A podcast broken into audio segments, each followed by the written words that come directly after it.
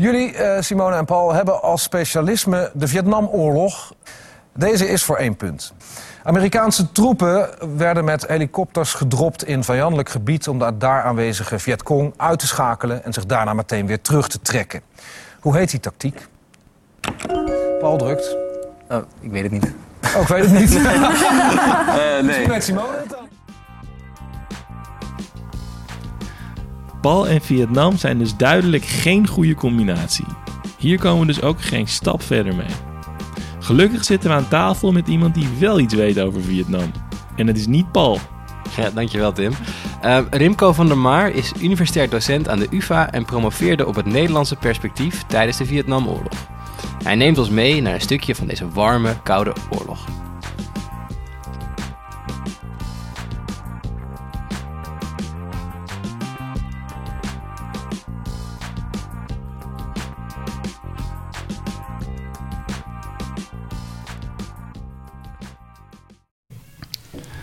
Paul, Tim, je hoort misschien al de, de kinderen spelen buiten. we zijn weer in uh, Oud-West. Zeker, Ja. in onze podcaststudio bij mij thuis in, in, de hele woonkamer. buurt. in, eh, in Oud-West, ja.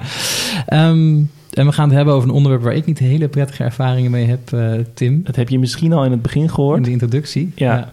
Ik wist er niet zo heel veel van, ondanks dat het schijnbaar mijn expertise was. En daarom hebben we vandaag een echte expert. ja. Paul, wie zit er aan tafel? Wij hebben hier te gast Rinko van der Maan. En ehm, we gaan het vandaag hebben over De Vietnamoorlog. Vietnamoorlog. Ja, en hij heeft iets meer gekeken dan alleen een paar films, zoals ik eh, zeven jaar geleden heb gedaan. Eh, want hij heeft in 2007 gepromoveerd. Mhm. Ehm, met name dan ook eh, vanuit Nederland, Nederlands perspectief Zeker, ja. op Vietnam. Ja. Ehm, en om dan te- meteen te beginnen, denk ik, wanneer was dit? Ja, wanneer was dat? Ehm, als ik kijk naar Nederland, dan begint het eigenlijk in de jaren 60. Dus zeg maar 65, dan komen de Amerikanen in Vietnam. Maar als je verder kijkt, dan begint het eigenlijk in 1945 en gaat het door tot, nou ja, eh, Saigon valt 75. Hm. Maar het gaat nog door, want eh, Vietnam is nog betrokken bij andere conflicten. Zelfs tot eh, 1990 ongeveer met Cambodja en China. Dus eigenlijk eh, na de Tweede Wereldoorlog is Vietnam voortdurend in strijd met wel tussenpozen dat er niks gebeurt. Of tenminste dat er een opbouw is of dat er rust is. Ja. Maar het is voortdurend conflict. Maar als je kijkt naar Nederland of als je kijkt naar Engeland en dat soort landen. En misschien ook Amerika, dat het echt actueel wordt, is jaren 60. En tot eh, in de jaren 70. Ja. Misschien een hele domme vraag, maar Nederland en de Vietnamoorlog. Ik dacht altijd, Nederland was niet bij de Vietnamoorlog nee, zeker betrokken. niet. Nederland deed niet mee en eh, geen enkel NAVO-land wilde meedoen. Ja. Eh, dat, eh, ja, dat vonden ze veel te ver weg. En eh zou ten koste van de, van de verdediging van Europa gaan. Amerika moest juist bij Europa betrokken zijn. Maar ze waren wel bondgenoot en eh, ze ja, moesten toch wel iets met die situatie. En dat was heel vervelend. En eh, ze moesten Amerika steunen. En dat hebben ze gedaan met eh, nou ja, gewoon politiek, dus verbaal. ja, En ze hebben ook eh, hulp gegeven aan Zuid-Vietnam. Dus Zuid-Vietnam waren de bondgenoten van de Amerikanen. ja. In het zuiden dus had je de, de, de- zeg maar de, De de westerse ja. eh, de, regime dat dan gesteund werd door het westen. In het noorden had je dan de communisten zitten onder leiding van Ho Chi Minh. Eigenlijk onder leiding van andere mensen weten we nu, maar Ho Chi Minh was het boegbeeld, zeg maar. Hm. En Nederland die steunde dan Zuid-Vietnam, zeg maar, ja, tegen, eigenlijk wel tegen de... Hij wilde ze eigenlijk niet, maar eh, moest wel, want je bent toch bondgenoot van Amerika. Zo moet je dat zien. En dat heeft heel veel debatten opgeleverd, want ja, Ja. het vonden heel veel mensen... die wilden daar niet mee geassocieerd worden. Die, nou, het is allerlei discussie gekomen, debat. Heel veel jongeren bij betrokken, het werd steeds massaler, het debat werd steeds groter. En uiteindelijk is dat min of meer ja, een soort van ontploft in de jaren 70, denk ik, met een Mhm. enorme massale beweging in het Westen tegen eh, Amerika. En eh, nou, uiteindelijk zijn de Amerikanen vertrokken. Maar dat is toch ook die bekende hippiecultuur, toch? De hippies hebben een, ja, ik weet niet of de hippies echt een rol hebben gespeeld, maar dat is wel Ik zie dan aan elkaar voor me, verbonden. toch? Je zit van 69 Woodstock, Woodstock, ja, de anti-oorlog. oorlog, Ja, ja. natuurlijk. Het was een enorme stimulans voor de jeugdbeweging, hippiebeweging. Zeker, ja. Dat is, dat is het lastige, want het is allemaal met elkaar verbonden. Ja, Maar de oorlog heeft het inderdaad gestimuleerd. Eh, maar die mensen, ja, die wisten eigenlijk niet zoveel van die oorlog af, maar die wisten alleen van nee, dat wil ik niet. Dus eh, gewoon ja, überhaupt oorlog wil ik niet. überhaupt. En de Amerikanen waren eh, behoorlijk betrokken, met militair betrokken, heel veel troepen. Ja. Half miljoen in 1968. Want dat, dat is misschien ook wel even goed om te tackelen. Mhm. Waarom was Amerika daar? Is dat dat bekende ding van de Koude Oorlog? Zo van, Ja, dan, eh, ik zal niet al te veel eh, op, diep op ingaan. Maar eh, kijk, eh, Indochina was een Franse kolonie. Ehm, Indochina was ook Je hebt Cambodja, Laos en Vietnam. En die, dat was eh, tot Indochina gemaakt door de Fransen. Nou, de Fransen zijn eh, door de Japanners eh, aangepakt zeg maar, in de Tweede Wereldoorlog. Eh, en na de Tweede Wereldoorlog wilden de Fransen eigenlijk het gebied terug. Maar je had ook Ho Chi Minh en zijn Viet Minh. En zeg maar een oppositiebeweging. En die hebben eigenlijk de onafhankelijkheid verklaard. En dat kennen we natuurlijk van Nederland. Ja, parallel aan Ja. Indonesië. En het ja. leek nog even dat de Fransen en, en Ho Chi Minh eruit zouden komen met onderhandelingen in Parijs. Maar dat is niet gebeurd. Er is een hele bloederige oorlog gekomen. Acht jaar lang geduurd, tot 54. En de Fransen hebben op een gegeven moment gedacht van ja, we moeten hier weg. Want dit- er is geen enkele publieke steun meer voor die oorlog Hmm. hier. Ja.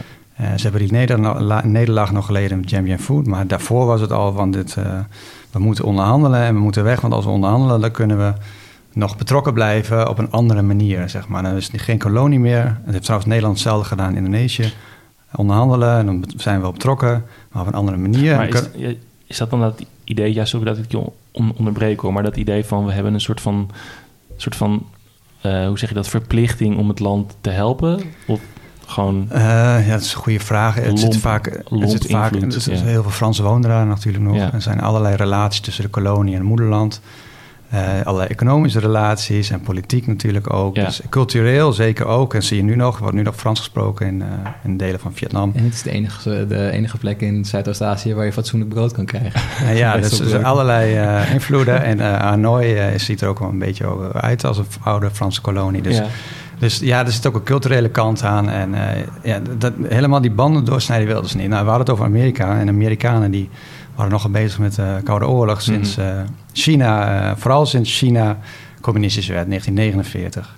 En toen eh, kwam de blik ook op eh, Vietnam en op de Franse oorlog in Vietnam. En die Ja. hebben ze massaal gesteund. Met heel veel geld. Eh, eigenlijk eh, vochten de Fransen in de jaren 50 met Amerikaanse geld die oorlog. Nou, dat hebben ze eh, helaas voor hun niet goed gedaan. Dat, dat ging verkeerd. Daar hebben ze afstand van genomen. En toen hebben de Fransen, die hebben toen eh, in- tijdens de onderhandelingen in Genève ook een zeer complex verhaal. Het is allemaal heel complex in de Vietnamoorlog. Die hebben eh, eh, eh, toen eh, Zuid-Vietnam gesteund. En Zuid-Vietnam kwam eigenlijk voort uit die Franse kolonie. ja, ja. En Noord-Vietnam, dat was de Viet Minh die had gevochten. En Noord-Vietnam heeft in Dat waren de communisten. Precies, en die binnen 54 hebben die in de onderhandelingen, die waren in Genève, hebben die dat noordelijk gebied kunnen bemachtigen. Maar eigenlijk wilden ze heel Vietnam. Ja, Maar dat wilden de Amerikanen niet, de Fransen natuurlijk ook niet. En de Amerikanen die hebben zich toen vastgebeten in Zuid-Vietnam. Zuid-Vietnam zou zeg maar eh, niet verloren gaan voor het communisme. En dat heeft onder invloed van China en onder invloed van de... Uiteindelijk daarachter zit natuurlijk de Sovjet-Unie. ja. China was heel erg geleerd in de Sovjet-Unie. En ehm, nou dat, zo wilden ze dat behouden. Maar dat, ja, dat, uiteindelijk werd het steeds moeilijker. In het begin heeft Noord-Vietnam dat geaccepteerd. Ze moesten dat wel accepteren. Uh, toen kwam er een beweging uh, in Noord-Vietnam en ook in Zuid-Vietnam... Uh, die gewoon ook het hele gebied wilden. Die wilden heel Vietnam hebben. Hmm. Daar, toen is het conflict begonnen. De Amerikanen wilden dat tegenhouden. En Noord-Vietnam, gesteund door China en Sovjet-Unie... wilde eigenlijk het hele land veroveren. Maar het is eigenlijk ook wel space dat zeg maar, Vietnamoorlog synoniem is geworden voor dat deel dat Amerika er is. Maar wat jij nu zegt, is er Ja, eigenlijk al een ja. jaar of tien eerder gewoon Precies. oorlog en glazer. En gaan mensen dood. En, Ja, in de jaren dertig al. Uh, want een van de meest fascinerende dingen van de oorlog in Vietnam vind ik zelf... of ja, er zijn heel veel uh, dingen die ik interessant vind... maar is dat de mensen, die, die de mannen aan de top... Mm -hmm. waren ook vrouwen, maar veel mannen... die hadden allemaal in de jaren 20 en 30 gevochten... of zeg maar oppositie gepleegd tegen de Fransen. En die hadden allemaal jarenlang in de gevangenis gezeten. Franse gevangenis gezeten.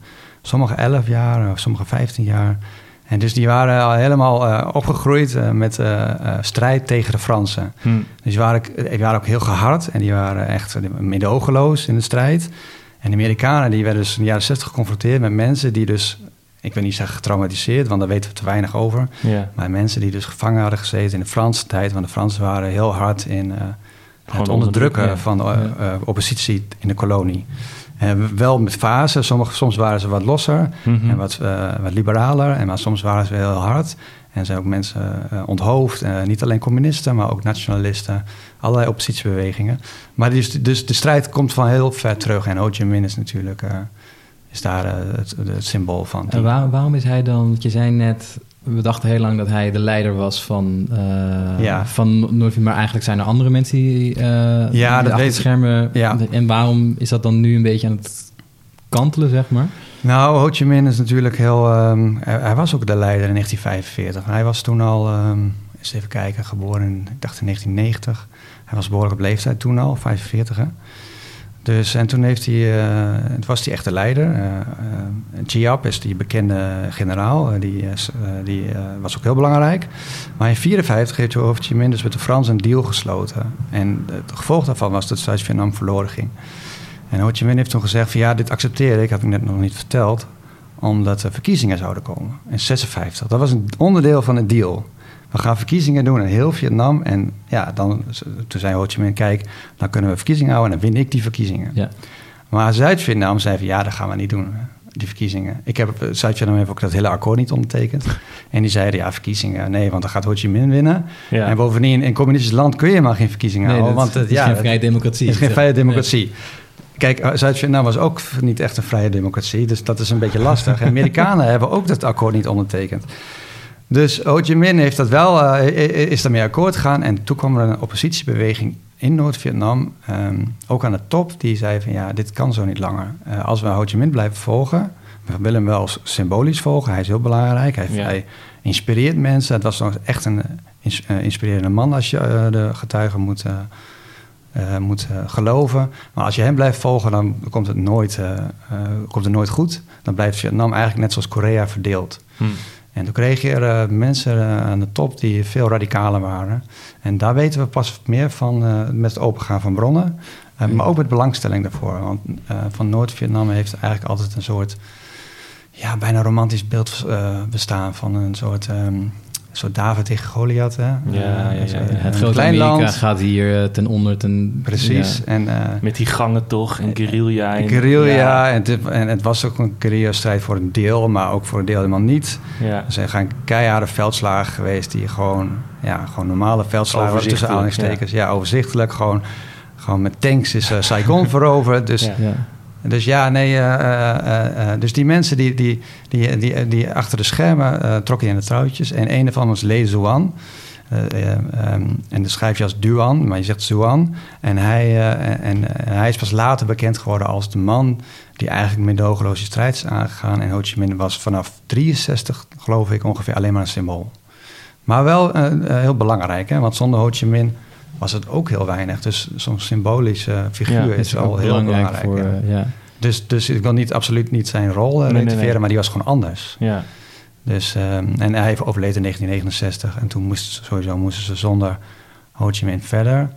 En ze hebben ook echt een, soort mythe van hem gemaakt, want hij wilde eigenlijk wilde die, um, zijn as verspreid hebben over uh, delen van, van uh, Vietnam, een soort symbolische verdeling. Maar daar hebben ze niet naar geluisterd, want hij ligt nu nog uh, in Hanoi opgebaard. Um, en dus hij is, je kunt hem bezoeken daar. Um, gebalsemd. En, dus ja, dat is absoluut wow. wat hij niet wilde. Ja. ja. maar, maar, zo is hij een symbool geworden. Een soort van mausoleum voor hem gemaakt. Hij is een mausoleum gemaakt, ja. Maar hoe, hoe wordt daar dan, is misschien hak op de tak hoor, maar als hij daar nog steeds opgebaard ligt in een mausoleum, gaan dan nog schoolklassen daar naartoe om te kijken bij de gro grote leider? Hoe, ja. hoe, wordt er in Vietnam teruggekeken dan daar? Ja, ik was in Vietnam uh, al een tijd geleden en toen uh, had ik een gids en, uh, en die, die, die, gids was heel, heel interessant. Die zei ook van ja, ik, ik begrijp dat je kritisch bent hè, en dat, je, dat er ook er zijn heel veel mensen omgekomen in Vietnam, hè? echt miljoenen. Hè? Mm -hmm. Ook in Frans, eh, Franse tijd, maar vooral in de Amerikaanse tijd. De Amerikaanse waren, waren echt medogeloos.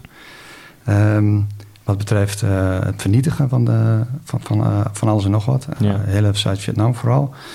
Um, maar, die, maar die gids die, die, die, die zei van ja, maar Ho Chi Minh is goed. Ho Chi Minh heeft alles goed gedaan. nee, Ho Chi Minh was de grote leider. Dus alles was bespreekbaar.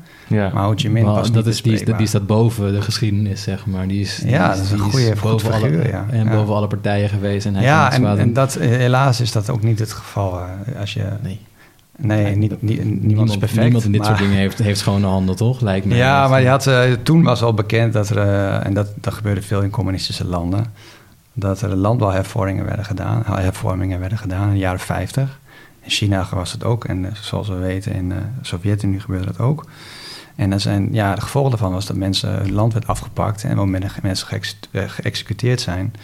En er zijn heel veel omgekomen toen, uh, tienduizenden. Um, uh, we weten niet exact hoeveel, maar zeker uh, meer dan 50.000 mensen. En, ehm en Ho Chi Minh die heeft dat ook gewoon, ja, die is daarmee akkoord gegaan. Weet je, hij dacht ook van ja, dit is, deze kant gaat de revolutie op. Ja. Dus dat ga ik steunen. Ik ga er niet tegenin, weet je. Ja. Ja, nee, en dat, als, als Mao en Stalin dat ook doen, dan zal ik, weet je wel, Ja, dat, eh, dat Ho is Chi- toch wel... zeker, ja. En dan dan, wie ben ik dan om daar nee tegen te zeggen? Nou ja, eh, eh, het is ook niet zo verstandig, denk ik. Ik denk dat Ho Chi Minh is echt een politicus ook. Verstandig om, om dan te zeggen van ik vind dit moreel. Hij heeft wel iets gedaan. Hij heeft wel gezegd van dat sommige dingen echt niet door de beugel konden. Hij heeft zelfs excuses aangeboden Oh, nadat alles gebeurd was. Dus dat zie je dus Stalin en ehm Mao ook niet doen. Nee. Dus dat maakt Ho Chi Minh wel anders. Ja. Maar uiteindelijk is hij natuurlijk wel eh, mede verantwoordelijk daarvoor. En, ehm, eh, dus ja, Ho Chi Minh is wel een speciaal figuur, omdat hij, eh, omdat hij toch die menselijke kant heeft willen laten zien. Ehm, kun je zeggen, maar tegelijkertijd moet je niet blind zijn voor dat is, dit soort figuren ook.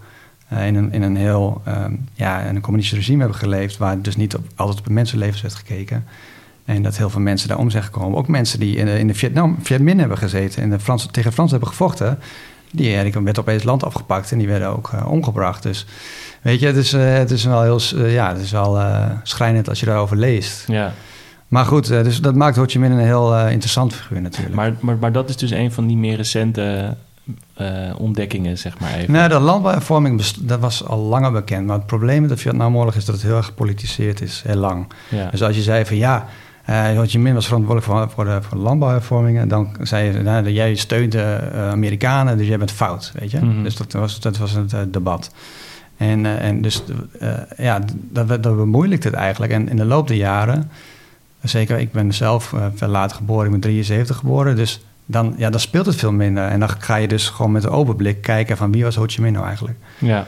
Dus dan, eh, en dat geldt nog de generatie na mij nog meer. Dus, dus ja, dat is, dat is dat voordeel van, eh, ja. van de, voor de historici.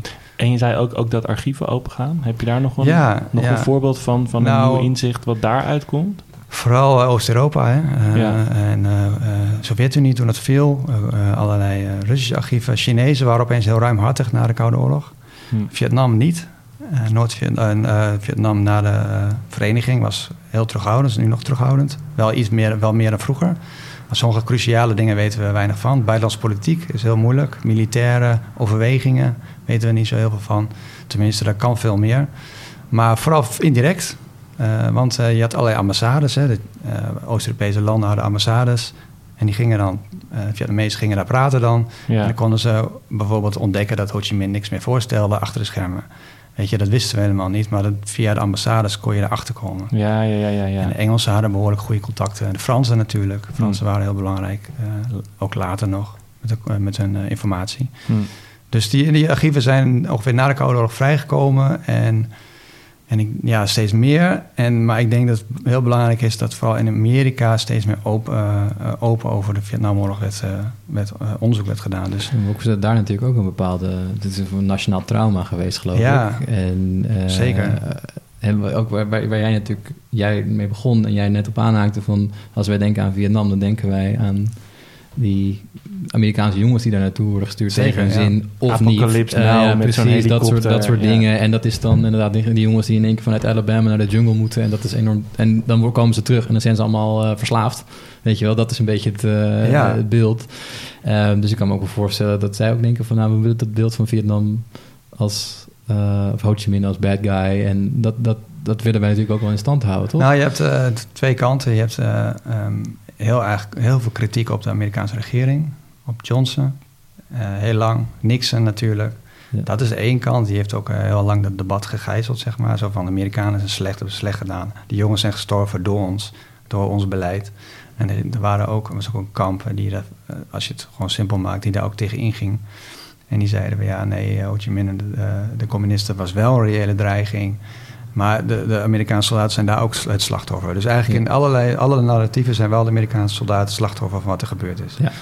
Maar de, de, de, hoe dat nou gebeurd is, daar verschillen de meningen van, eh, meningen over. En dat is wel veranderd, dat is wel veel beter geworden. Denk Ja. ik. Ja, dus ik hoor zelf wel tot de generatie die eh, ja, veel ehm, meer verder eh, is gaan kijken. Dus Nederland is natuurlijk een heel klein land in het geheel, maar dat was eigenlijk onderdeel van heel, ja, van een groot onderzoek naar West-Europa en naar andere, andere landen in de wereld. Het is eigenlijk een globaal conflict geweest in allerlei opzichten. Ja. Sociaal conflict, politiek conflict. Dus ja, dan, ja, dan wordt, een, wordt het beeld veel diverser en ook complexer van trouwens. Ja. Want als je heel erg diep in de Vietnamoorlog gaat, dan op een gegeven moment denk je echt van ja, liever niet, weet je. Ik ben nu een boek aan het schrijven en ik kom soms echt niet meer uit. Maar wat- Over, over Vietnam. ja, ik, ja, een uitgever heeft mij gevraagd om dat te doen. En dat wilde ik wel, eh, omdat ik ook artikelen had geschreven over eh, ja, nieuw, vernieuwende dingen. Ja. Maar eh, ja, dan op een gegeven moment weet je gewoon niet meer wat je weg moet laten. Zo, zo zit alles aan elkaar Ja, verbonden. zijpaden en... Zijpaden, ja, wat is dan het zijpad, weet je? Dan denk Ja. je, ja, Ja, er is weer een nieuw hoofdstuk erbij en dat is weer een half ja, jaar het onderzoek. duurt ook en zo is- lang, ja, weet ja, je. ja. Het is ook niet van oh, een paar jaar of zo. Het gaat maar door. En Ja. Het is sociaal, het is cultureel, het is diplomatiek, het is politiek. Het is van alles en nog wat. En dat, dat, dat maakt het echt moeilijk. Ja, want, want je hebt het even aangestipt, hè, dat zeg maar in, naar mijn vraag, zo van wat heeft Nederland hier dan mee te maken? En je zegt, ja, dat is complex. Maar zou je een voorbeeld kunnen geven van de Nederlandse bemoeienis dus in Vietnam? Was het dat ze wapens sturen? Betaalden ze dingen? Eh, hoe- Nou, ehm, ik denk het belangrijkste is eh, geld. En eh, wat zij dus deden, dan stuurden ze er ehm, geld en dan kon zij uit Vietnam een ziekenhuis bouwen. Het is allemaal heel eh, Mhm. zo neutraal mogelijk. Dan gingen ze Beetje dan humanitair-achtig. humanitaire hulp eh, bieden. Ja, Ja. Dat was een beetje de Nederlandse rol. En natuurlijk wel ook wel eh, gewoon het politiek steunen. Dus eh, gewoon zeggen dat het een goede zaak was dat tegen communisme en dat er. eh, en dat we NAVO 1 moet zijn en dat we iedereen dit moet steunen en dat de Amerikanen goed bezig zijn. Dus dat is heel belangrijk. Eh, dus wat je dus had in Nederland, is dat je, de, dat je in, in die tijd minister Luns was dat. En die stond gewoon echt pal voor de Amerikanen. En dan kreeg hij ontzettend veel kritiek. En dan moest hij echt, eh, Mhm. werd hij echt flink aangepakt eh, door de media en door eh, Kamerleden. En, en ja, dan werd het echt een strijd van Luns tegen ehm, de rest, zeg maar. Eh, en, en achter de schermen blijkt dat Luns dat ook heel vervelend vond. Ja, die Vietnam, de Amerikanen in Vietnam, wat is het allemaal van gedoe, weet je wel. Eh, en die, land opbouwen, jongens. en, en, en die ging, en die ging op een gegeven moment ook, eh, als reactie ging die ook radicaliseren. Dus dan, in het begin zeiden ja, de Amerikanen, dat, ja, ik vind het ook allemaal problematisch. En op een gegeven moment kreeg hij zoveel kritiek dat hij zei, nee, Amerikanen zijn wel goed bezig. Ja, ja. Ja, toen ging hij ook, het ging, die standpunten werden ook verhard, zeg maar. ja. Dus en dan ging hij op een gegeven moment ging hij naar de Amerikanen toe en zei van je moet er misschien een sch- een schepje bovenop doen. dus eh, dat het hele debat ontspoorde. En, en, en het leuke van, denk ik, van eh, onderzoek doen naar, naar Nederland of België of andere landen, naar Vietnamoorlog, dat je je afvraagt, is een conflict wat ver weg is, waar je het dus niks mee te maken hebt, Ja. militair gezien, maar dat toch iedereen bezighoudt. Weet je? Dus, en dat heeft natuurlijk te maken met de Amerikaanse dominantie die je overal had. ja. En de NAVO, en dat heeft te maken met eh, ja want de media, het- of, of op televisie Ja. en eh, allerlei veranderingen. Want je hebt nu social media, dat verandert alles. En toen had je televisie en dat maakt voor mensen het conflict heel anders. En, veel dichtbij, met- ja. Heel dichtbij. ja. En, en, ja, en, en daar moesten ze iemand iemand op afrekenen. En je, ja, als, je, als het in Washington een beetje ver weg. Dus ja, de, de mensen die dan, lunch maar, dan, dan, pak je lunch maar. En dan, Ja. en dan eh, nou, dat is die van begin, weet je. Het is ontzettend veel demonstraties hier ook. ja. Is dit ook dat, eh, daar staat me iets van bij, maar misschien zit ik er volledig naast. Maar dit is toch ook het moment dat er, dat er protestacties tegen ehm, president Johnson zijn. Ja. En dat er dan, er is een wet op dat je andere Ja. staatshoofden niet mag beledigen. En het was Ja. dan een spandoek met Johnson moordenaar. Dat mocht niet. Nee, nee dat het klopt, ja. Nee, dat, Johnson molenaar. Je hebt in Nederland inderdaad een, een artikel en dat dateerde nog van de tijd dat Nederland neutraal was. Dat je mocht eh, staatshoofden niet ja, beledigen. Ja. En in de jaren dertig waren ook mensen veroordeeld die Hitler beledigden. Dus daarvan ze namen ze dat heel serieus. Die mensen werden vervolgd. ja. En toen eh, zijn mensen gaan roepen eh, tijdens de demonstraties van Johnson is een moordenaar. En, dat, en de vraag is, was dat nou beledigend of niet? Voor de, een bevriende, een bevriend staatshoofd. En, ja, en, en dat vond het Openbaar Ministerie van wel. En eh, dus de mensen die gingen dus op straat dat roepen... en die werden dan opgepakt en die werden ook... sommigen zijn veroordeeld daarvoor. Maar je, je begrijpt dat dat steeds meer reactie op leverde. En ja. gingen de, daar werden ze heel creatief van. Dan gingen ze bijvoorbeeld één ging eh, Johnson roepen... en dan ging de rest van de groep mo- moordenaar roepen. Oh, dat los van elkaar. ja, los van elkaar. Wie ging er- wie ging er nou het- zeggen, gewoon-? Het is buiten context, het woord, het, de context, het, het woord moordenaar is niet beledigend. Dat is gewoon een, Ja, een woord. ja precies. Of ze zeiden Adolf Johnson en dat Oh, soort dingen. ja, eh. Of, of Johnson Molenaar, wat jij noemde. Dus ja, dat werd een soort eh oeverloze discussie. Een beetje een Nederlandse discussie ook. Ja, heel Nederlands. Heel erg Ja, van, oh, eh, ja, moeten we het handhaven of niet? Oh, heel erg angstig ook voor, voor uit de hand lopen ook. En, ja. Ja, en ja, uiteindelijk is het, hebben ze een soort commissie, ook een Nederlandse commissie Ja, gemaakt. natuurlijk. En wat moeten we hiermee? Ja, nou, we gaan toch, we kunnen het niet afschaffen. We gaan het niet afschaffen, maar het is zo, het nu volgens mij bestaat het nog steeds, als een staatshoofd dan een klacht indient, of, of via de diplomatieke kanalen, dan zou er nog vervolgd kunnen worden, geloof ik. Zo zit het nu. En, ehm, maar in die- Wauw. ja, dat heeft een tijdje geduurd voordat het zover was. Maar het is een hele kneuterige discussie. Maar het geeft wel aan het Vietnamoorlog. Op een gegeven moment ging het niet meer over Vietnamoorlog. Het ging het over demonstratievrijheid, over Ja. vrijheid van mening Mm. en meningsuiting. En dat maakt het ook complex, weet je. Waar hebben we het nou over? We hebben het over Vietnamoorlog. Nee, eigenlijk niet, weet je. We hebben het over een discussie in Nederland. En mensen zijn ontevreden over hoe je hier dingen kan zeggen. Ja. En dat daarop gereageerd wordt. En dat Nederland heel conservatief is. En dat ehm, ja, demonstranten echt gewoon... die werden ook flink aangepakt in het begin. Later is dat anders geworden. ja. Dus ja, dus het is, eh, het is met elkaar verbonden, heel erg. Ik vond het wel interessant dat je noemde eh, dat de NAVO, en zeg maar dat Nederland dus geleerd was aan de NAVO, eh, het Westen noem ik het dan maar even. Was er op een gegeven moment echt sprake van dat de NAVO zou gaan, zich zou gaan mengen in dat conflict? Nee, nooit. Nee. Nee, de NAVO heeft dat nooit overwogen. Een van de redenen is dat de Fransen er helemaal niks mee te maken wilden hebben. De Fransen zijn er zelfs uit de politieke eh, eh, tak eh, getreden in 1966. Hè. Heel veel discussie over de NAVO. Dus eh, die Fransen die, die wilden sowieso, die vonden het heel, heel, heel vervelend dat de Amerikanen daar... Die dacht juist dat het klaar was of zo, die, of niet? Nou, die, ja, het was, kijk, de Amerikanen hebben, op, hebben die eigenlijk zich niet zoveel veel aangetrokken van wat de Fransen verkeerd hebben gedaan. Maar die dachten van ja, weet je, eh, wij, gaan het doen en eh, wij gaan het goed doen. En, wij eh, kunnen het beter. wij kunnen dat beter. en de Gaulle vond het heel vervelend. Dat, dat was een voormalige kolonie waar ze ook belangen hadden. En, en die vond echt dat de, de Amerikanen die, liet het gewoon escaleren. En het escaleerde ook echt. Hm. Dus, die, dus de, de Franse oppositie was heel belangrijk. Nou, ja, dan heb je de West-Duitsers, die moesten natuurlijk helemaal niks.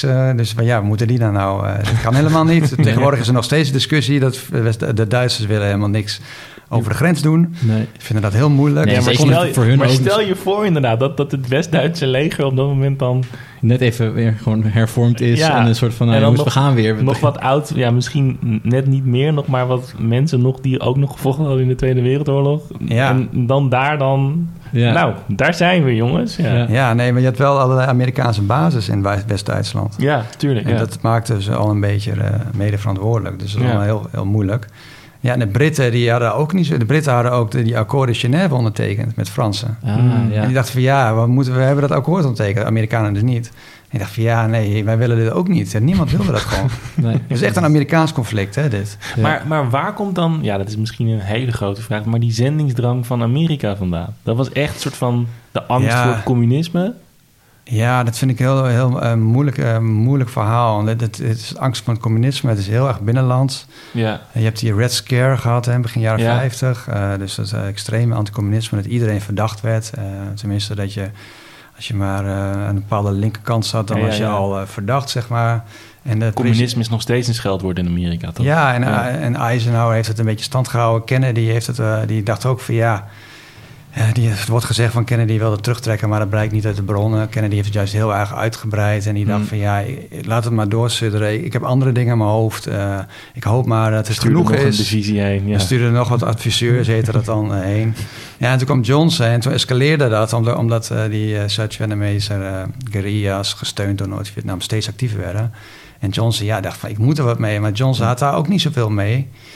En die is er toen ook eigenlijk zo ingerold. Want die wilde eigenlijk, had eigenlijk zoiets plannen van de Great Society in Ja, Amerika, is- binnenlands plannen. En die dacht ik van ja, ik moet hier met, met Vietnam, moet ik wat. En die had dezelfde eh, persoon om zich heen als Kennedy. Dus die dacht van nou, die zullen het wel weten. Ja, en, en eh, dat, escaleerde en die heeft troepen gestuurd. En dat begon met eh 10.000 of zo, of eh, 3000, ik weet niet meer. Er werd steeds meer. En, en, en Johnson wilde ook niet al te veel escaleren. Hij dacht van, nou, misschien is dit dan genoeg om Zuid-Vietnam te behouden en eh, Noord-Vietnam af, Vietnam af te schrikken. Die heeft eh, ook veel gebombardeerd. Hij dacht van, nou, misschien kunnen we bombarderen. En eh, is dat genoeg dan? Nee, dat bleek ook niet genoeg. En zo is het langzaam verder gegaan. Dus het is, het is, het is een, een ideologisch verhaal, maar het is ook heel erg dat voortdurend escaleren, escaleren en niet meer terug willen. En er zijn best wel wat historici die zeggen, ja, het lijkt erop dat ze de, eh, een soort moeras of dat ze erin gerommeld zijn, maar ze hadden wel degelijk keuzes kunnen maken. Alleen waren het hele pijnlijke keuzes. Ja, ja. Want als Johnson het had gedaan, dan had hij misschien zijn Great Society helemaal niet kunnen doen. Ja. En dan was hij uh, vleugellam geworden. Dat, dat, Ja. is, dat wilde hij ook niet. Hij wilde ook niet de eerste president zijn... die dan als een, gezien zou worden als een soort ja, verliezer. ja, dus ja. dan zou hij zo'n beetje de eerste president zijn die een oorlog, nou, misschien 1812, maar dan moet je wel ver terug in de tijd. Maar een soort van Ja. na de grote overwinningen van de, de Eerste en de Tweede Wereldoorlog. En Ja. dan, Ja, dat- oh ja, onder Johnson eh, lukt het niet meer, zeg maar. Nee. Nou, hij had wel kunnen zeggen, het is niet echt een eh, oorlog. Ik bedoel, het is een heel vervelend uit de hand gelopen conflict. Eh, ik moet ermee stoppen. Hij had Ja. misschien het kunnen verpakken. Maar ja, Korea was een succes geworden. Eh, de Tweede Wereldoorlog was natuurlijk een grandioos succes geworden. Ja. En nou, ik, dit, ja, dat, dat, ja, dat, vond, dat was politiek gezien, eh, eh, vond hij heel moeilijk. En hij was wel iemand die heel duidelijk de baas was. eh, ondanks die adviseurs om hem, om hem heen. Ja. Zoals McNamara en dat soort figuren die nog steeds erg bekend zijn. Ja. Ja. Dus nee, eh, ehm, eh, ideologisch verhaal, maar ook heel politiek. Heel politiek. En echt heel binnenlands, Amerikaans binnenlands politiek verhaal, ja. Maar de hele wereld is daar wel in meegezogen. En dat hadden we net over, door die media ook. Dat kwam er nog bij. Ja. En dat is denk ik ook heel erg onderschat door de Amerikanen. Ook de propaganda van de andere kant. Hm. Van de Noord-Vietnamezen waren heel goed in propaganda. Op wat voor manier was dat? Ging dat dan via radio of pamfletten? eh? Nou, wat ik zelf heel interessant vind, het begint super klein, want in uh, Noord-Vietnamezen hadden geen eh, ambassades in, uh, in West-Europa. Die deden alles, ze hadden één punt in Parijs, een, uh, een enige uh, zeg maar, relatie in West-Europa, misschien ook wel in Londen.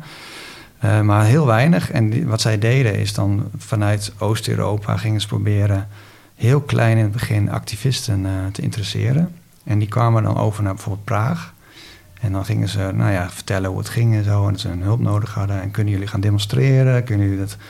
Ja, kunnen jullie propaganda van ons, dat noemen ze natuurlijk niet zo, maar kunnen jullie de waarheid van ons gaan verspreiden? Ja, ja, en dan begon het heel klein en het werd steeds groter en het breidde steeds meer uit. En, um, en uh, in 1968 beginnen de onderhandelingen in Parijs tussen Amerika en Noord-Vietnam. Dat levert helemaal niks op. Maar voor Noord-Vietnam is een enorm voordeel dat ze dan een grote basis hebben in Parijs om nog verder ja. propaganda te verspreiden. Ja, en, en dan, zie je voet tussen de deur. En dan, ja, dan ja. zie je dat ze gaan reizen en dan gaan ze overal komen ze binnen en dan gaan ze tentoonstellingen hier in Amsterdam openen. En dan gaan ze uh, ja, dat verhaal verspreiden. En dan komt er medische hulp vanuit Europa. En dan gaan ze medische hulp vragen. Maar die medische hulp is natuurlijk alleen voor de bevrijde gebieden, tussen aanhalingstekens. En, en dat willen de mensen ook. Die willen dat ook. Die, die, die, die geloven die propaganda ook. Want ze willen dat beeld van David Goliath. Dat zien zij ook zo. Dus dat slaat enorm aan. En ik denk dat dat gedeelte de Amerikanen enorm onderschat hebben. Dat ze daar niet tegenop konden. En hun propaganda was ook niet erg geloofwaardig. Want ja, weet je, de communisme daar tot staan brengen. Is het wel communisme? Zijn het niet mensen die onafhankelijk willen worden? Die ja, willen ja. gewoon met rust gelaten worden? Weet je, dat hele verhaal van de Amerikanen was... Aanvankelijk was het vrij krachtig, omdat je, ze zaten nog in de Koude Oorlog. Maar gaandeweg, als het, als het steeds erger wordt... en jij krijgt dan napalm en dat soort dingen... denk je van, ja, wat zijn we eigenlijk gaan doen? Ja, want dat is toch, zeg maar, ook, ook het grote... Uh, nee, het idee over die oorlog, dat er zoveel smerige dingen worden gebruikt. Ja. Ook tegen nee, de burgerbevolking, Zeker, napalm, ja. bombardementen, de, de, foto van uh, dat meisje. Dat meisje. Ja. ja. Um, en uh, Agent Orange, dat soort, mm. dat soort dingen. Ja. Um, dat helpt natuurlijk ook niet mee in jou. Van ja, wij zijn eigenlijk de good guys. Nee. Maar wij, wij branden wel even een paar dorpen. nou, dat platbranden is heel. heel uh, dat gaat een beetje mis, want in 65 heb je al een reportage op televisie waarin uh, soldaten dat een, een, een dorp platbranden en de bevolking zit er dan bij te huilen en te schreeuwen en van wat gebeurt hier, dat willen we niet. Ja, dat is natuurlijk heel slecht voor het beeld van, uh, van die interventie. Ja, ja en, en, en, dat, en dat komt voortdurend komt dat, uh, terug en dat is gewoon en, en de Amerikanen gaan ook heel ver. Je hebt in 68 heb je de Tet-offensief. Ik weet niet of je dat van gehoord hebt. Ja. Dat is een massaal offensief van Noord-Vietnam met behulp van die guerrilla's en die de, het bevrijdingsfront heet dat dan. En dat is, uh, ze proberen dan uh, zeg maar die oorlog te, in vroeg, voortijdig te, te, te winnen. En, en de Amerikanen die slaan dan heel hard terug en die winnen ook dat militair. Dus die, die vernietigen ook alles. En je hebt een, een, een stad Hue, en dat is een hele oude, oude keizerlijke stad. Uh, dat is nu ook nog heel belangrijk voor Vietnam. En die wordt nagenoeg vernietigd, omdat, dat, omdat de Amerikanen dat terug willen. Ja. En, en dus de beelden van het vernietigen van een land om het, om het eigenlijk te redden, tussen aanhalingstekens, ja. ja, dat is gewoon niet vol te houden. ironie die daarin Ja, dat is, die ironie, dat is gewoon niet vol te houden. Ja. Dus, en, en ja, dan, dan, dan kunnen ze niet anders dan op een gegeven moment zeggen van ja, wij moeten een oplossing verzinnen. En dan komt er nog een heel hoofdstuk achteraan met Nixon... die dan een soort vrede wil, maar dan een eervolle vrede. Dat is ook een drama. En ja, het is... maar, maar wat houdt die eervolle vrede in? Ja, de eervolle vrede houdt eigenlijk in dat een Amerikanen dan zich terug gaat trekken... en dat Zuid-Vietnam steeds verder wordt opgebouwd, militair... dat ze het zelf kunnen doen. Dat ze zelf nog door gaan vechten. Ja, ja dus dat is dan, want de Amerikanen zijn dan. Het Zuid-Vietnam is niet gevallen, het regime zit er nog, maar de Amerikanen zijn teruggetrokken. En dat is dan volgens een eervolle vrede.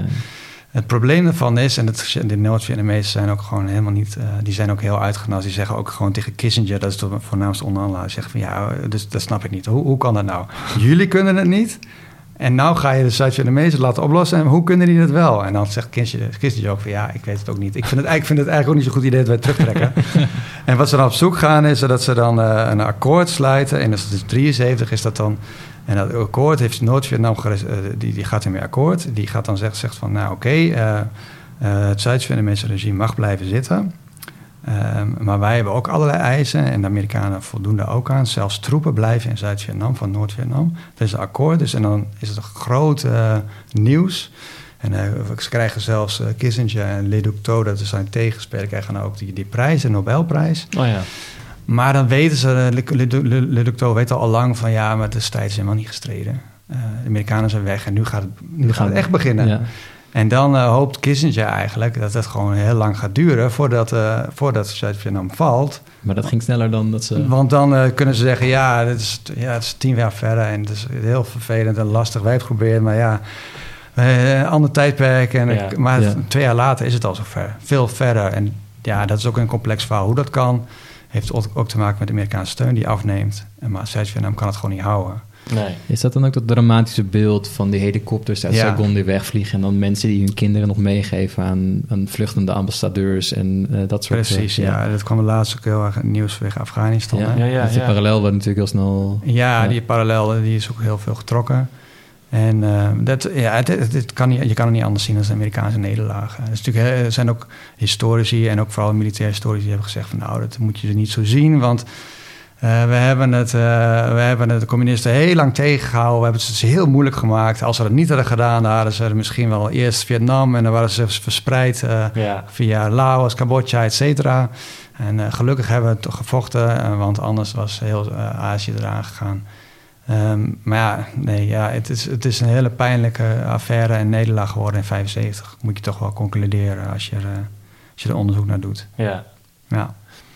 Maar ja, ik snap dat ook wel, toch? Want militaire historici zijn toch ook altijd dan... die zien toch altijd wel een beetje een soort van de strategie. En misschien was het dus strategisch achteraf zo van... nou, dat, die, die terugtocht had ook slechter gekund... en misschien zijn er toch wel slimme dingen gedaan op het slagveld uiteindelijk nog.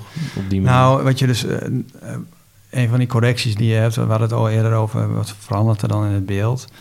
Uh, dat, dat Noord-Vietnam werd heel erg nou ja, gezien als dat ze dat, uh, wat we wel zeiden, David en Goliath. En dat ze het allemaal hele van die meestelijke strategen daar aan het roer waren.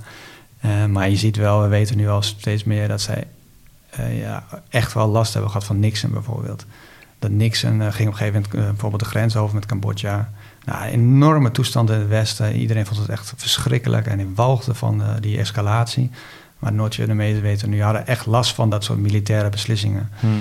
Dus het is echt een dat militaire conflict, ja, dat ligt wel wat genuanceerder. Maar uiteindelijk wilden de Amerikanen wilden gewoon het Zuid-Vietnam behouden bleef, maar dat is niet gebeurd. Nee, dat is eindstand wat je ook ja, gedaan hebt in de tussentijd. Dus, ja, ja, dat is gewoon heb je meer tanks vernietigd ja. en uh, dit en dat gedaan. Uiteindelijk ja, is, ja, precies. Dus ja, dat, en, en de beeldvorming maakt het nog erger. Ja. Van, uh, van dus die brandende dorpen. Nou, de, de beeldvorming vooral van Saigon dat valt. Met oh, ja. uh, de, de, de, helikopters. En je hebt ook een Nederlandse zaakgelastigde die er ook nog zat. En die heeft ook um, moeten vluchten, zeg maar. En die heeft later ook zijn verhaal verteld in andere tijden. Oh, ja. Dus dat was, uh, ja, dat was gewoon rennen.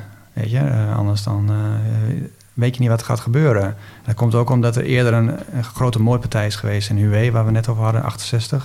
Er zijn heel veel mensen omgekomen, burgers, communisten troepen gelieerd aan de communisten, die hebben mensen omgebracht.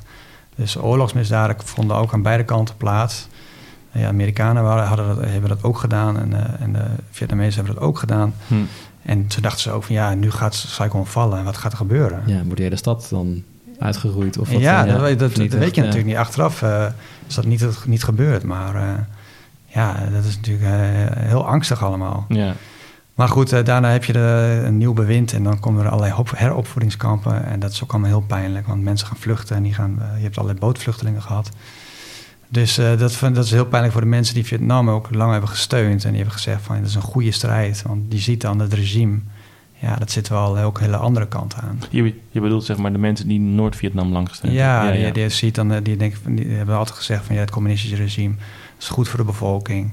Rechtvaardig. Maar, uh, maar, ja, en, ja, dat is toch, is toch ook zo'n zo'n raar ding in, eigenlijk, ja, dat mag je misschien niet zeggen als historicus, maar dat in de jaren 50, 60 in het Westen communisme toch ook als een soort, nog steeds een soort van toch wel interessant alternatief gezien werd. Dat er toch ook zo, toch een beetje in intellectuele kring... Ja, intellectuele kring zeker, Een soort van ja. mee geflirt werd, toch? Ja, ja, nee, heel, heel erg. Uh, Cuba bijvoorbeeld. Ja. En Cuba werd gezien als een soort romantisch uh, eiland... waarin eindelijk een nieuw nieuwe samenleving tot stand werd gebracht. Ja. Harry Mulisch is, daar heel bekend van. Ja. Dus waren er veel meer. Uh, ja, er werd wat fellow travelers genoemd. Ja. Dus die zien uh, echt als een oplossing voor wat de derde wereld werd gezien. Ja. Maar van genoemd echt. echt.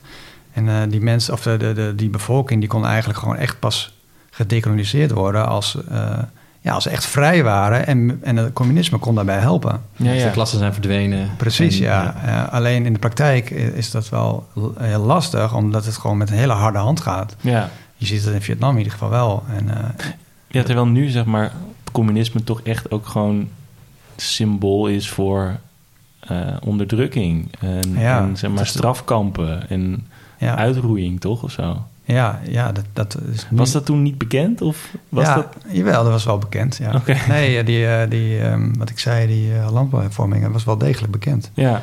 Alleen uh, dat wordt gezien of als Amerikaanse propaganda. ja, tuurlijk, ja. Ja, of, of mensen wilden niet zien. Van ja, dat, dat past niet in het beeld wat, ja, wat, ja. wat, er is. En dat wordt dan weggemoffeld. Maar um, heeft te, te, maken met, met die politieke um, met het politieke debat wat er is. Hmm. En dat zie je tegenwoordig ook wel. Van ja, als mensen, eh, bepaalde mensen iets beweren, bijvoorbeeld van de Telegraaf.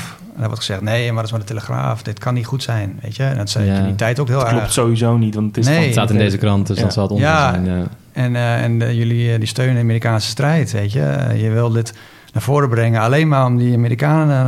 ja. om, de, om, de, om, die, om dat te helpen en om, om, om in stand te houden... Terwijl, ja, die Amerikanen moeten daar weg. En uh, dit soort argumenten hebben we niks aan, weet je. Ja. Dus uh, ja, zo, zo wordt het heel troebel. Ja. Zo'n heel onzuivere discussie wordt dat. Een politieke discussie. Maar dat zie je nu ook, toch? Ja. Gebeuren om, om ons heen. Hoe op die manier propaganda zo'n zo'n rol speelt, toch? Ja, je ziet het heel erg. Uh, want we hebben eerder gehad over van... en niet in deze, deze podcast, maar van ja, waar zit nou de overeenkomst? Uh, en, en, ja, die zit wel in het voortdurend verspreiden van propaganda. En het is nu nog, nog schimmiger en onduidelijker. Ondanks dat je denkt van dat het dichterbij is door social media. Ja. En dat je veel meer weet, omdat er allerlei filmpjes en Precies, allerlei... ja. Maar uh, ja, volgens mij is het juist steeds moeilijker en steeds duisterder geworden. En dit had je precies in de Vietnamoorlog ook, dat niks werd vertrouwd en dat uh, allerlei discussies waren over de waarheid van bepaalde gebeurtenissen. Ja. Uh, dingen werden ontkend. Uh, bijvoorbeeld die moordpartij, er zijn heel veel mensen gewoon geëxecuteerd in Hue.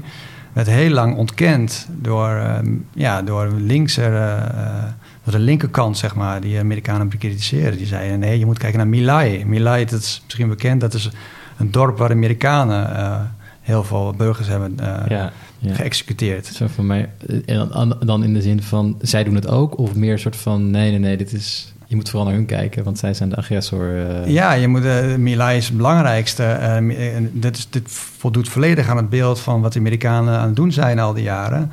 En dat andere, het Huawei-verhaal, ja, dat is wel een, een beetje... of zo. Ja, maar, ja, complex geworden. Als, als de communisten nu ook al zo zijn, waar, waar, waar blijven ja, we dan? Wat blijft er dan nog over voor de gewone bevolking, zeg ja. maar. Ja, ja dus, en, en, en, ik denk dat heel veel mensen ook die nuance niet meer willen, weet je. Nee. Misschien is dat nu ook wel aan de gang, dat uh, je wil gewoon een mening hebben over Ja, je wil gewoon, maar je, als je echt tegen bent, wil je ook gewoon dat je dat wil je dat ook blijven volhouden. En Ja. wil je gewoon... eh, Ja, maar dit is ook, ook zo, zo sketchy toch in wat wij nu zien over bijvoorbeeld de oorlog in Oekraïne. Dat je, er was een paar dagen geleden weer zo'n soort filmpje dat je twee mensen in een Heb ik winkel... gezien, ja. Ja. Twee, twee mannen in een winkel en die werden dan ineens in hun rug doodgeschoten eh, door een stel Rus, ja, Russische militairen. dus, ja, Super heftig om te zien. Ja, ja, vond ik ook, ja. Maar het is wel dat ik dacht toen ook wel weer, dat, dat ik was ook laatste keer ergens in een opinieartikel zo van, dat is wel weer, we zien alleen maar dat of zo. En vanuit die andere kant zien wij helemaal niks, omdat wij op eenzelfde manier ook, zoals Rusland, denkt de bevolking van Rusland nu is af, afgesloten van dat soort dingen, Ja. zijn wij ook afgesloten van de dingen die daar Klopt. getoond worden. En dan is nu de reactie meteen, nou Ja. Poetin heeft weer zo, zoiets doms gezegd, weet Ja. je wel, terwijl je niet weet wat er... ehm, Nee, we hebben een heel onvolledig beeld. Ja. Want eh, ik denk over 30 of 40 jaar zou, zullen historici dan ook heel erg naar de Oekraïnse kant kijken. Ja. Dan zullen ze, on- zullen ze eh, gaan onderzoek doen naar de propaganda van de Oekraïne, die vrij goed is. Beter dan, dan, veel beter dan de Russen dat doen. Ja, En dan zullen ze waarschijnlijk ook ontdekken dat aan de, aan de Oekraïnse kant ook allerlei misdaden. En dat die escalatie komt van beide kanten bijvoorbeeld. ja. Ja, dan zul je zien dat het allemaal heel lastig is. Maar in dit geval, ge- geval is, zijn de Russen natuurlijk de bezetters. Ja, ja. Ja. En, en, eh, en de Amerikanen eh, waren toen Zuid-Vietnam werden ook gezien als bezetters. En dan is dat verhaal is gewoon heel moeilijk, weet je. Want je kunt dat niet meer rechtbreien. Nee. Ja, dus nee, want je bent al de scheef over gegaan, Ja. zeg maar. eh, Door die eerste Door aanval. er überhaupt binnen te vallen. Ja. Of überhaupt daar eh, steden kapot te schieten en zo. Wat we natuurlijk... Dat kan Door gewoon Amerikaanse militairen naar Vietnam te sturen. Die Ja, dus- wonen daar niet, die Nee, hebben daar helemaal niks te zoeken. Toch? Nee. Nee, klopt. Ja. Nee. Dus dat, dat, en in Rusland lukt dat eh, nog eh, redelijk, geloof ik. Eh, De Russische te- televisie eh, draagt daar enorm aan Ja. bij. Maar dat verhaal is internationaal natuurlijk heel slecht.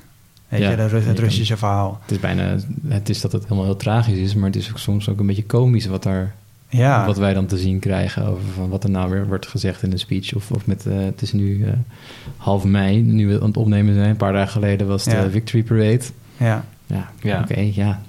Het is dan leuk dat je dit vertelt, maar dit is allemaal niet waar, weet je wel. ja, ook zo'n parade, eh, ook de, de, de speech van eh, Poetin, die wordt dan uitgevoerig geanalyseerd en wordt gewoon gezegd van ja, wat heeft hij bedoeld, weet je? Ja. Nee, het viel mee, het viel mee. En dan zeggen anderen, nee, het viel niet mee. En dan denk ik van ja, je schiet er ook helemaal niks mee op. En Ja. dat vind ik ook wel met de Vietnamoorlog. Het is een dis- oeverloze discussie.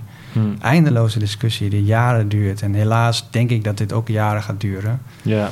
En ja, op een gegeven moment dan, dan, Ja, dan je- krijg je een soort, en dat is misschien ook wel overeenkomst, krijg je een soort oorlogsmoeheid. Die ook nu al eigenlijk een beetje optreedt. Hè? Ja. Ja. Dat mensen denken, ja, nou ja, ik ga me op andere dingen richten, want hier kan Ja, ik er niet weer, weer gezeik Ja. in. Ik eh, heb het he- eerlijk gezegd ook soms een beetje Ja. dat je dan de krant in het weekend krijgt en dat je denkt, nou, daar beginnen we weer. Ja, is Ja, weer gezeik de Donbass. Ja, maar, Ja, ja, wat- maar zo'n zo'n analyse van de reden van Poetin, dat zal voor journalisten interessant zijn of mensen die het echt eh, intensief volgen. Maar heel veel mensen zullen denken, ja, ja hoe moet Ja. ik daar maar mee met eh, reden? Want, Nee, maar ja, eh, maar wat jij ook zei, dat je het toch niet weet of zo. Nee, nee, de complexiteit en wat we weten niet wat er wat die man nu ja zeg maar wat hij denkt wat hij in zijn hoofd heeft en wat, Nee. hem, wat hem beweegt om bepaalde dingen te doen en ik, ik begreep uit jouw verhaal over, over Vietnam dat we nu pas een beetje doorkrijgen Ja, hoe dat aan beide kanten ging dat we nu pas weten dat Ho Chi Minh helemaal niet die guy was die het allemaal ja bedacht klopt. Dus dat zal bij Poetin ook gebeuren. Er zijn nu al veel geluiden over Poetin, hè, de, zijn macht, hoe, dat die relatief is. En, ja en dat er allerlei. KGB-netwerken zijn. eh, en dat is heel schimmig. En daar zullen, ik hoop dat we dat over 50 jaar veel meer van weten. En dan zullen Poetin een heel ander perspectief gaan zien. hm. Misschien veel meer een propagandarol. Ja. In plaats van de man die aan het touwtje trekt. Dat weet ik niet. ja Maar eh, dat zal veranderen. Want er komt, ja, ja, ik hoop dat het steeds meer vrijkomt. Ja, ik neem aan dat ook via andere kanalen steeds meer vrijgekomen. Als de Russen gesloten blijven op dat Ja. gebied, zullen er wel andere bronnen komen. Dat is wel echt wat mooi van deze tijd. Dat er natuurlijk eh, ja, allerlei onderzoeks, eh, net die websites die er allemaal supergoed onderzoek doen. Ja, ja, naar, ja. Dat je vroeger kost dat veel minder mogelijk. Ja, maar dat was toch ook met, met al die uitgelekte filmpjes en foto's aan het begin echt van die, van, hoe noemde Poetin het? De, weet het niet eens Speciale operatie. De, spe- de- ja, de speciale operatie Oh ja, dat, is- dat Oekraïne. is ook een mooie overeenkomst. Kunnen ja, kunnen we nog over hebben. Ja. Oh ja? Nou, ja, onthoud hem. Duimpje op tafel. Nee, maar dat, je, dat ze dan met al die onderzoeksgroepen gingen kijken naar filmpjes die dan zes jaar oud bleken te zijn. Of helemaal niet op een bepaalde plek waren. Ja. Maar dan juist ook weer vanuit de Ja. kant van Oe- Oekraïne, toch? Dat, dat vond ik super interessant om te zien. Dat daar dus al wel een soort van corrigerend ding op zat. Zo van, we moeten ook wel even kijken wat ons voorgeschoteld wordt, wat er van klopt. hè. Ja, en, en dat eh, checken van eh, informatie, dat kan tegenwoordig tien keer beter, of nou, duizend keer beter dan vroeger. Ja. Sneller. vroeger was je zo afhankelijk van wat journalisten allemaal deden. Ja. Mm. Nu kunnen mensen zelf onderzoek gaan doen door allerlei, ja, door de techniek. Ja, Dus dat maakt het, eh, het maakt het, dat aspect wel veel beter. Propaganda kan veel sneller worden doorgeprikt. ja. Ja. En dat, en dat of in sommige gevallen misschien juist weer heel erg versterkt worden. Of heel, precies, dat is natuurlijk het eh, of gevaar. versterkt worden, ja.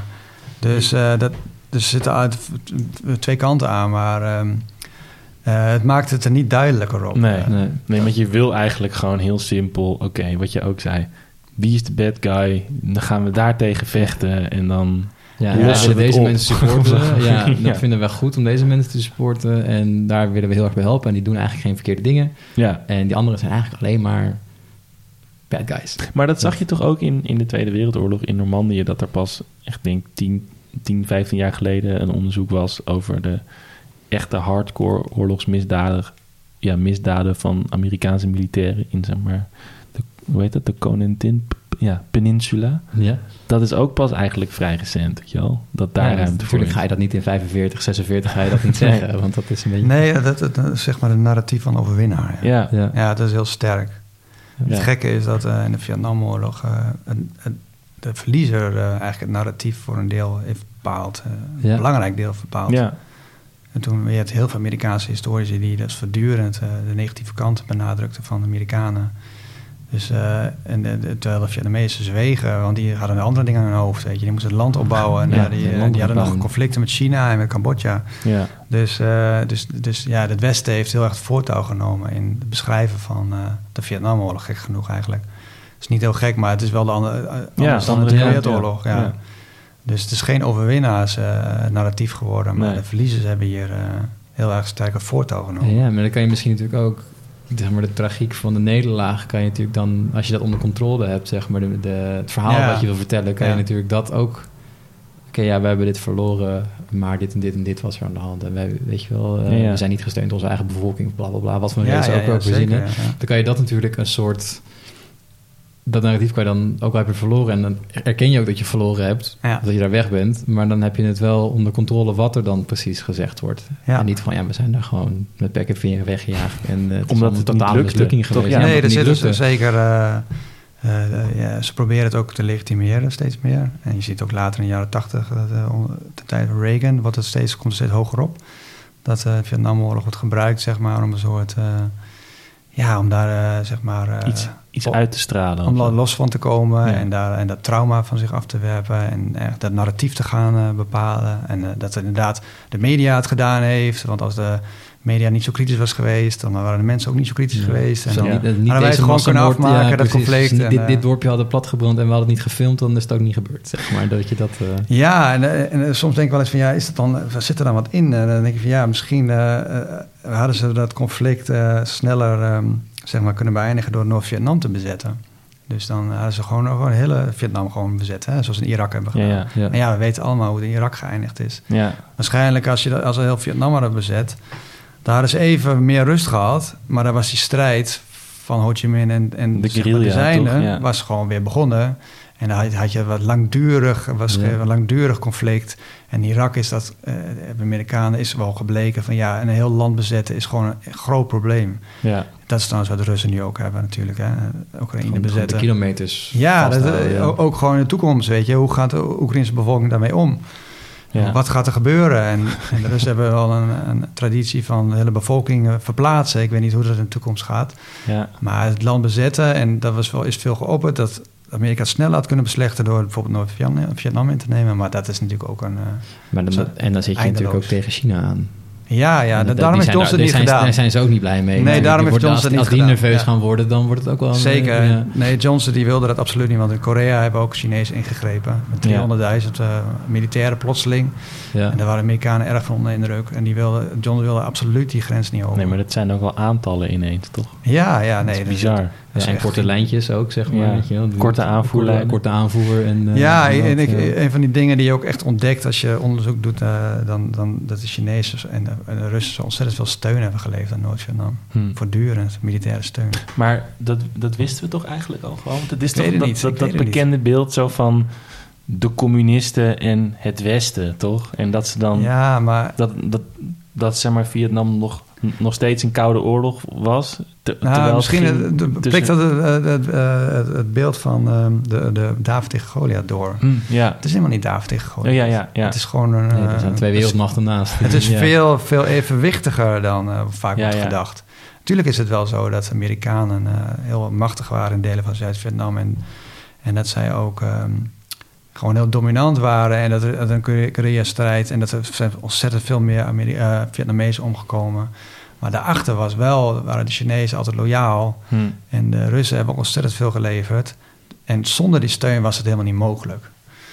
Dus eh, daarom wilde niks ook heel graag vriendjes worden met de Chinezen in de jaren zeventig. Want dan kon Ja, hij dat, ja, ja, ja, ja, ja, kon, Kon hij hij dat, dat eh, afsnijden. Ja, en de grappige is dat de Chinezen die hebben gezegd van ja, ik, eh, dat vinden wij een goed idee, we, kom maar hier.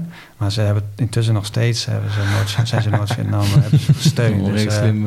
eh, ja. dus ook dat heeft niet helemaal gewerkt. Maar uh, Noord-Vietnam werd wel heel uh, nerveus van, uh, van het bezoek. Uh, dat, dat wel. dus, uh, maar goed, uiteindelijk heeft dat ook niks opgeleverd. Tenminste, niet wat niks aan wilde. Wauw. Je had nog een andere vergelijking. De, de special ja. intervention. uh, ja, de, de, de, de, de eufemistische taal.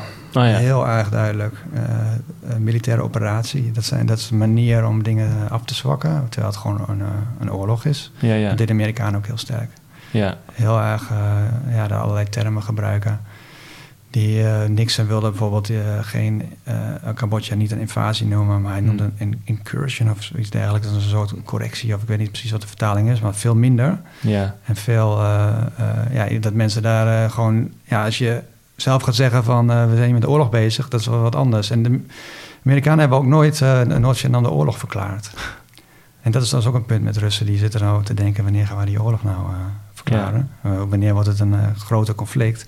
Want als we het kleiner houden, dan is het toch anders te verkopen dan als het een groot conflict Ja, wordt. ja. Dus de Amerikanen waren ook heel erg van ja, het is geen invasie, het is een uh, interventie om de Zuid-Chinese uh, regime te helpen. En we zijn weer weg als het allemaal op orde Ja, is. ja. En, uh, maar het, intussen escaleert dat en escaleert het. En is het wel denk- een oorlog. Ja, het doet me ook Ja. gewoon denken aan de, in Indonesië toch de politionele Politie- actie. Zeker, Ja, dat is een heel mooi voorbeeld. Ja, hetzelfde soort manier van taalgebruik. Ja, en Ja. wat ze later, wat de Amerikanen natuurlijk doen in, in Irak. Dat, ja, we zijn hier voor regime, regime change. Regime change. Ja, oké. Dat is hetzelfde als de het hele kort en klein, en ja. Maar eh, Ja, en, nog een overeenkomst dat we toch even hebben... is dat de enorme vernietigingskracht van de Amerikanen... en doen me heel erg denken aan wat de Russen mee bezig zijn. Dat is Ja. gewoon alles kapot schieten.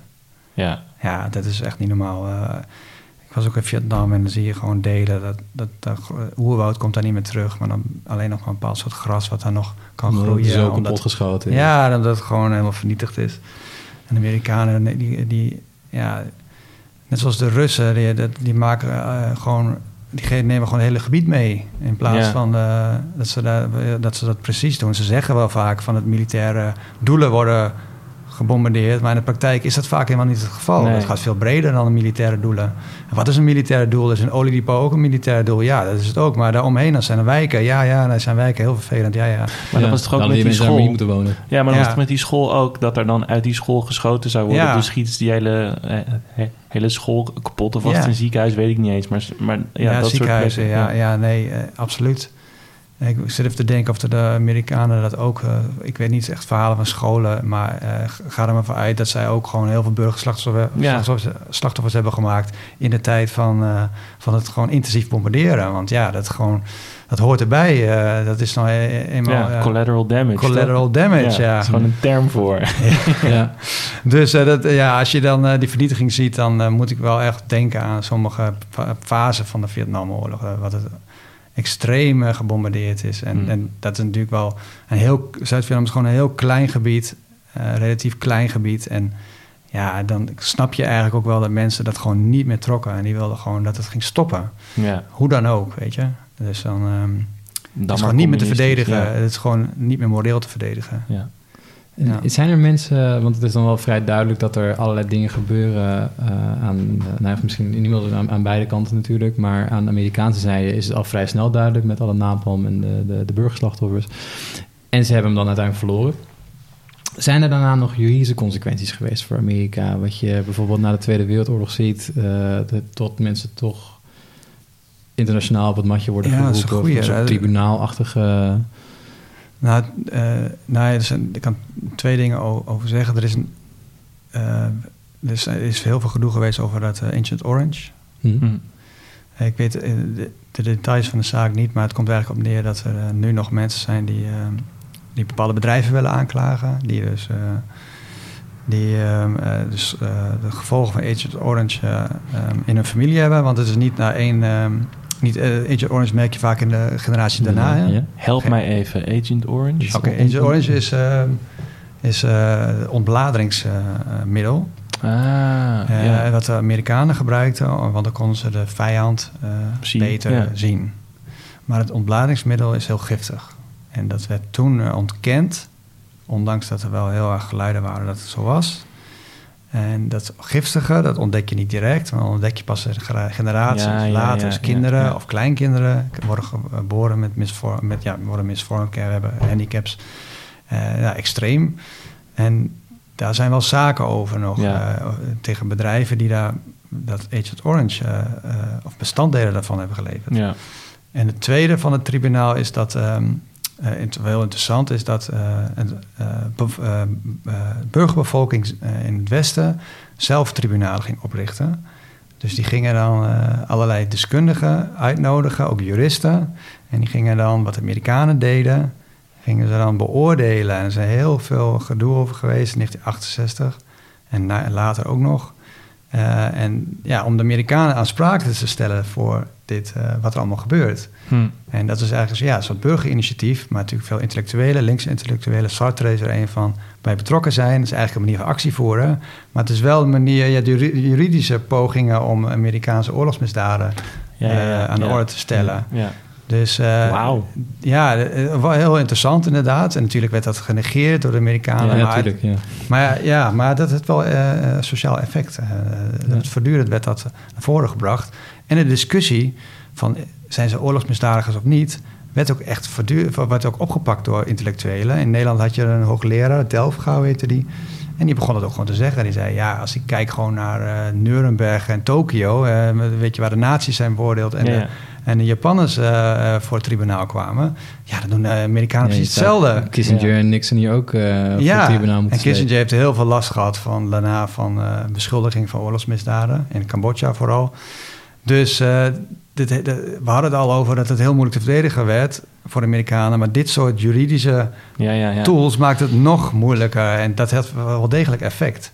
Het werd een beetje belachelijk gemaakt. Het werd natuurlijk van ja, wie zijn die eh, mensen nou die dat allemaal kunnen zeggen? De Franse filosoof die hier. De Franse filosoof die, zich, uh, die is natuurlijk een beetje hotent figuur ook. Die notabene zelf ook gewoon gecharmeerd was door, toch? Ja, ja, En, en dus er zitten allerlei andere figuren nog bij. En die, die, waarvan je kunt denken, ja, bijvoorbeeld zwarte burgerrechters, uh, of zwarte burgerrechtenactivisten die dus voor de voorhoede vormden, die zaten er ook in. En denk je, wat hebben die daar eigenlijk mee te maken? Ja. Maar um, maar toch, de juridische uh, manier, de, uh, het aanpakken op die manier werkte wel. Hmm. Uh, dus het maakt het nog moeilijker om... de mensen gaan het ook echt geloven. Van ja, als je het gaat vergelijken met de nazi's. Ja, ja, ja, dit is het. Ja, inderdaad. Maar, maar misschien al door de vergelijking te maken... Ja, precies. Plant je dat zaadje. En dan, dan maakt zeg maar die uitkomst ook eigenlijk geen drol uit, toch? Om, nee. Dan, dan heb je het al in... En dan gaan mensen erover praten. Mensen aan elkaar... Ja, ja en, eh, en dan uh, moet je nog wat, ja, wat beelden natuurlijk. En er kwamen, kwamen ook kinderen voor het tribunaal en dan, die dan uh, ja. Napalm waren. En die, en die foto van, van, het meisje toch? Ja, dat is wel later, maar inderdaad, dat is ook een goed voorbeeld. Maar zulke soort dingen helpen dan wel om dat beeld op te bouwen? Ja, het, is heel erg beeldvorming, het creëren van een beeld. Uh, en um, en dat, uh, ja, dat, wat ik al zei, de Noord-Vietnamezen hielp ook echt aan het tribunaal. Die, die stuurde ook gewoon geld en zo. Uh, Ho Chi Minh heeft volgens mij persoonlijk zelfs bijgedragen aan het opzetten van het tribunaal. Dus, dus het is ook een propagandamiddel van ja, Vietnam ook. dus maakt het ook schimmig. Maar wel effectief. Uh, de juridische manier om dingen aan te pakken, dat is uh, in, toen heel e-, effectief geweest. Ja. Paul, we moeten naar de tijd kijken. kijken ja, we zijn al meer dan een uur aan het praten. Okay. Dus, uh, dan mag jij nog de laatste vraag stellen. Um, ik heb hem eigenlijk net al gesteld met, de, over de tribunalen. Dan heb ik er nog wel één. Ja. Maar, Mag ik nog laatste ja, zeker. Dat boek waar je aan aan, aan het werken bent, kunnen we dat uh, binnenkort verwachten? Nou, binnenkort, ja. of is het een nou, ja, te ik, grote ik ben klus? Nou ja, ik ben een tijd bezig. Ehm, ik, ja, ik hoopte die in 2023. Oh ja. Maar ik weet niet zeker of ik het ga halen. Ja, ik moet het eigenlijk halen. Maar ja, ehm, We willen nu eh, de druk erop leggen. Ja. Eh, dat, eh, Ja, nou, ik ben eraan, toen ik eraan begon, dacht ik van ja, het moet leuk blijven. Weet je. Het moet interessant Mm, voor ja. mezelf blijven. Want ik wilde gewoon nieuwe dingen naar voren halen die ik interessant vind. En die ook echt wel vernieuwend zijn voor mijn gevoel. Maar nu ben ik weer helemaal zo in zo'n moeras beland. eh, van ja, oh ja, dit is het net, toch net iets anders. En eh, oh, maar Ja, moet ja, dit ja. dan ook doen. En, dus ik moet even goed keuzes maken. Ja. En, ehm, en ik moet ook ophouden op een gegeven moment. En Na 75 moet ik gewoon kappen. Want eh, Anders wordt het nog een boek, toch? Ja. ja. en dus ik kan niet door naar 1990. 1990 Nee.